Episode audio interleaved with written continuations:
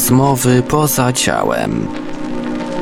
OB, LD i inne zjawiska parapsychiczne omawia Zbyszek Mrugała. Witam Państwa w kolejnej audycji Infry. Dzisiejszym gościem jest Rugwa. Witam.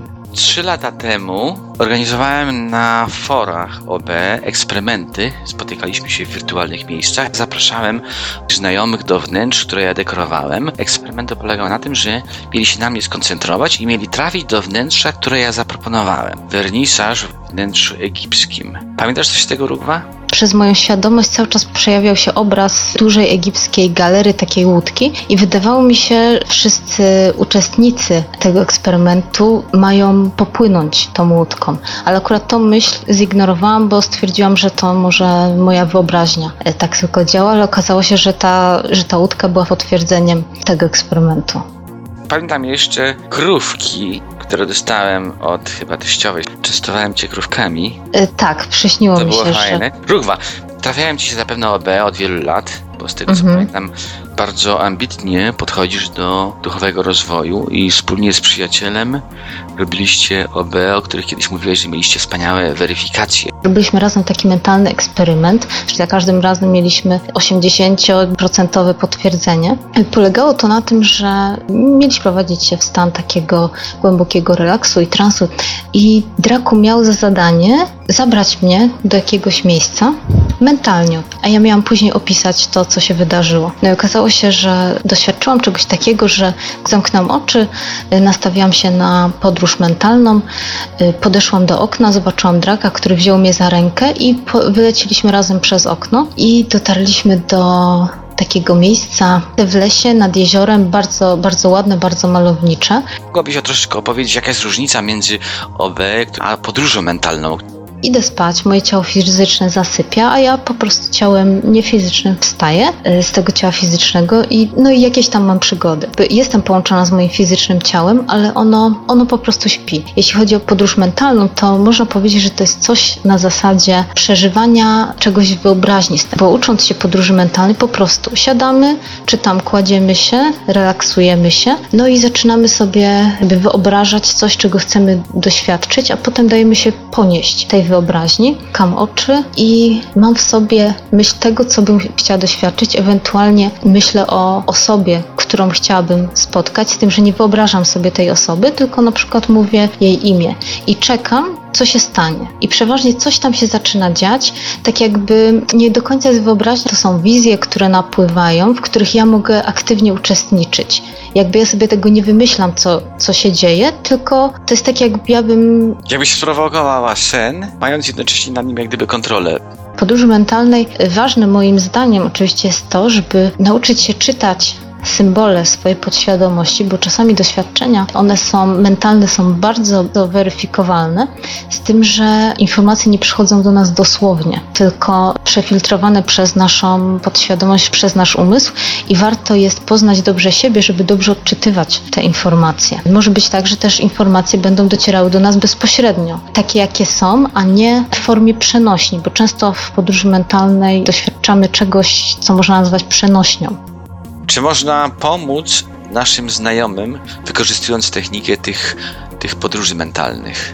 Można jak najbardziej, można pomóc samemu sobie przede wszystkim. Mm, Dzięki podróżom mentalnym możemy poznać swoją podświadomość, to co w nas jest, możemy dokonywać procesów autoleczenia. Poprzez rozgryzienie swojej podświadomości można się kontaktować z innymi ludźmi, zarówno żywymi, jak i nieżywymi. Można pomagać żywym osobom poprzez psychiczne ich wspieranie, czy też od, odgadnięcie, znaczy nieco zobaczenie istoty ich problemów, jakichś psychicznych czy, czy fizycznych, z którymi oni sobie nie mogą dać rady.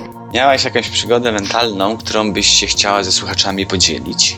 Bardziej mnie jakoś interesowało zajmowanie się tak zwanym odzyskiwaniem zmarłych, czyli kontaktem z osobami, które już nie żyją i pomaganiu im przejść na tą drugą stronę.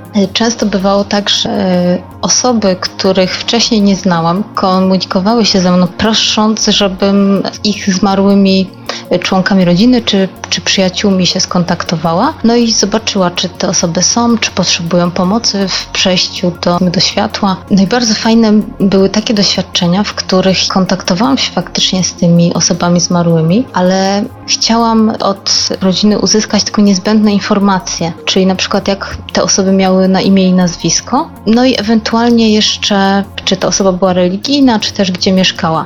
Natomiast nie chciałam żadnych informacji na temat wyglądu tych osób, żeby mieć y, większe potwierdzenie, jeśli je faktycznie spotkam. A co robiłaś? Znaczy, że usiadałaś sobie i mówić, halo, zmarły żyw, jesteś tam, chciałem z tobą porozmawiać.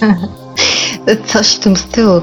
E, Bo jak już wcześniej wspomniałam, moje podróże mentalne polegają na zrelaksowaniu się i skupieniu się na danej sprawie. Czyli ja po prostu relaksowałam się i koncentrowałam się na energii tej osoby, z którą chcę się e, skontaktować. Powtarzałam sobie w myślach jej imię i nazwisko i czekałam, co się stanie. Próbowałam nie wyobrażać sobie niczego, jak ta osoba może wyglądać, tylko czekałam, co się stanie. No i często bywało tak, że te osoby pojawiały mi się w jakichś sytuacjach, W tych momentach, czy później, godzinę później po przywoływaniu, dwa dni nie, nie, później? pojawiały mi się dwie minuty mniej więcej, nie, dwa, nie tylko dwie minuty albo pięć minut po, po rozpoczęciu koncentrowania się na nich.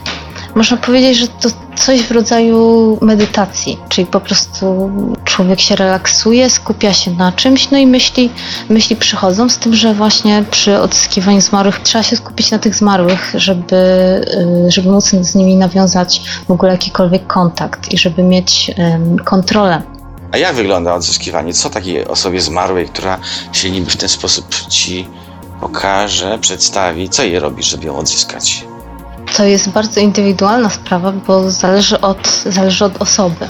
Które osoby w ogóle nawet nie wiedzą, że umarły i z takimi, no nie to jest najtrudniej, co po prostu trzeba je jakoś, e, jakoś podejść, żeby one uwierzyły, że umarły. Zdarzyło mi się też kiedyś tak, że osoba, z którą się kontaktowałam, nie wiedziała, że nie żyje, ale też nie widziała mnie bo w, w jej systemie przekonań ja nie byłam kimś, kim ona by się mogła zainteresować i wtedy mentalnie przebrałam się za osobę, którą ona uznawała za godną zainteresowania. I wtedy ta osoba faktycznie mnie zauważyła.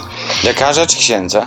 Za, za, fa, za takiego faceta w garniturze, o. A, porządny facet. Tak, tak. Robi wrażenie.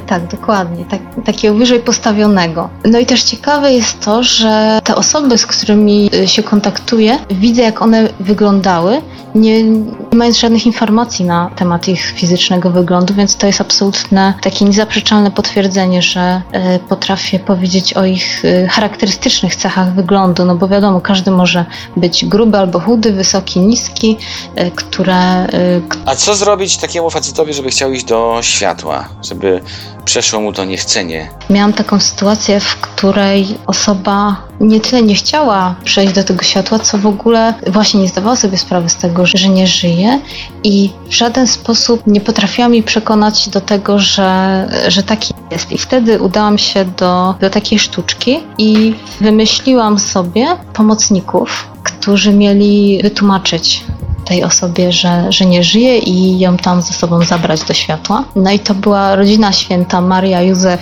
i Jezus i oni przyszli właśnie do tej kobiety jako, jako istoty, które ona uznałaby za wiarygodne. No i one z obecnością i tym, co zaczęły mówić, przekonały tą kobietę do tego, że ona nie żyje i że powinna z nimi udać się do światła. Także to był taki mój najtrudniejszy przypadek, gdzie faktycznie musiałam użyć sztuczki, żeby przekonać tą osobę, że ona nie żyje i, że, i żeby nie tkwiła w, w tym świecie, w którym, w którym była, bo ona była w takiej krainie wymyślonej przez nią samą, w której była uwięziona. Przez to właśnie, że nie zdawała sobie sprawy z tego, że, że nie żyje i że, że życie trwa dalej, tylko że w innej formie, w formie niefizycznej. Ona cały czas tematycznie powtarzała pewne czynności w tej swojej krainie i no i była zamknięta bardzo w tych swoich wyobrażeniach.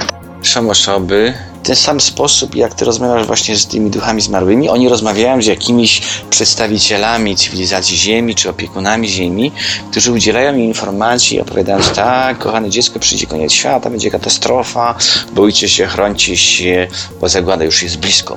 Co sądzisz na ten temat? Nie mam kontaktu z takimi istotami, które by mówiły, że nastąpi jakaś katastrofa. To jest, to jest podejrzane dla mnie. E, te istoty mogą być, tak jak mówisz, wytworem e, wyobraźni i, i uosobieniem lęków osoby, która się z nimi kontaktuje, ale też mogą być jakimiś istniejącymi istotami na poziomie e, fizycznym lub niefizycznym, które po prostu chcą, no nie wiem czego one chcą.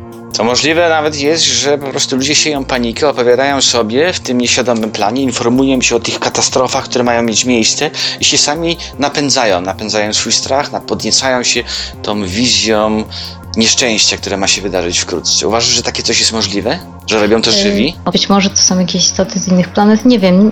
Nie mam na ten temat informacji. Sama takich istot nie spotykam, no i też nie zamierzam spotykać. Z tego względu, że widzę, jakie zamieszanie, jaki zamęt sieją. Kto za tym stoi? Można łatwo sprawdzić istotę, która kontaktuje się z nami niefizycznie, czy jest, jakie ona ma intencje w stosunku do nas. Tak, jakbyś to y, zrobiła? Kontaktują się ze mną różne istoty, które zawsze są mi przyjaźnie nastawione i po prostu ja to czuję wewnętrznie, że nie mają w stosunku do mnie żadnych złych intencji. Zachowują się też w specyficzny sposób te istoty. One absolutnie niczego ode mnie nie chcą. Bardziej jakby chcą dać mi coś do zrozumienia, żebym ja sama doszła do pewnych wniosków niż, e, niż coś mi sugerują same. Nie stawiają mi żadnych warunków, ani nie mówią o żadnych faktach, żadnych informacjach, które są faktami. Ewentualnie pokazują jakieś wskazówki, które powodują, że ja sama zaczynam myśleć. One nie narzucają mi swojego toku myślenia, tylko powodują, że ja sama zaczynam nad tym myśleć. I uważam, że istoty, które rozpowiadają o, o końcu świata, o różnych katastrofach, to nie są istoty, które, które chcą, żeby osoby, którym pokazują te informacje, żeby same domyśliły się, o co w tym wszystkim chodzi, tylko chcą narzucić swój tok myślenia. Nie wiadomo, czy on jest prawdziwy, czy nie. Być może będą jakieś katastrofy, ja tego, tego, absolutnie nie neguję, ale sama nie posiadam takich informacji, a na słowo nie uwierzyłabym nikomu takiemu. Spośród wszystkich osób, które brały udział w naszych eksperymentach mentalnych, nie pojawił się nikt, kto by miał tego rodzaju negatywne doznania. Komunikowali się mentalnie z istotami, które udzielały informacji, ale nikt z nas takich dziwnych, przerażających informacji nie dostał. No nie. Na tym kończymy naszą dzisiejszą rozmowę. E, pragnę Ci, Rugwa, podziękować za uczestnictwo w tej audycji. Dziękuję bardzo. Ja również Ci dziękuję, Zbyszek. Fajnie było z Tobą porozmawiać. Na tym kończymy. Żegnam słuchaczy i do usłyszenia za tydzień. Produkcja i realizacja Portal Infra www.infra.org.pl